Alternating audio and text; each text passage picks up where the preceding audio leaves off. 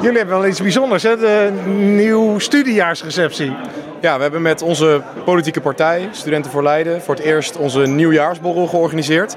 En traditioneel doen politieke partijen dat in januari. En wij doen het nu in september, omdat dat de start is van het nieuwe studiejaar. En de start is van de nieuwe besturen van de studentenverenigingen. Dan heb je ook een heleboel raadsleden uitgenodigd om een beetje ja, die, die interactie te bevorderen. Ja, de raadsleden zijn hier vanavond om kennis te maken met de studentenverenigingsbesturen.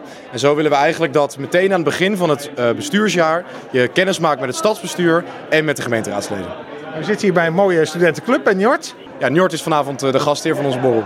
Uh, en met een special guest. Zeker. Vanavond was de nieuwe burgemeester Peter van der Velde die was aanwezig en die heeft ook de borrel geopend. Was dat ingewikkeld om hem hier te krijgen of vindt hij dat wel leuk? Nou, volgens mij vond Peter het hartstikke leuk om hier vanavond aanwezig te zijn. Hij uh, mocht ook nog even op de tafel, hè? Ja, bij Noord hebben ze de traditie dat uh, een fles champagne ontkurkt wordt en geproost wordt op de winst op de roeiwedstrijd de Varsity. Ja. Uh, en dat heeft de burgemeester vanavond ook gedaan. En dat moet dan staand op de tafel? Ja, dat moet inderdaad staand op de tafel. En jullie hadden nog iets bijzonders, jullie hadden een prijs.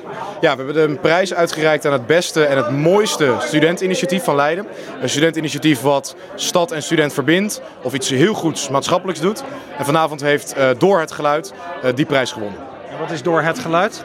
Door het Geluid is een organisatie die studenten openlijk laat spreken over uh, de mentale gezondheid. Dus eigenlijk het gesprek aangaat met studenten, waar studenten dat zelf vaak nog niet durven of nog niet de positie hebben of de plek hebben om dat te kunnen.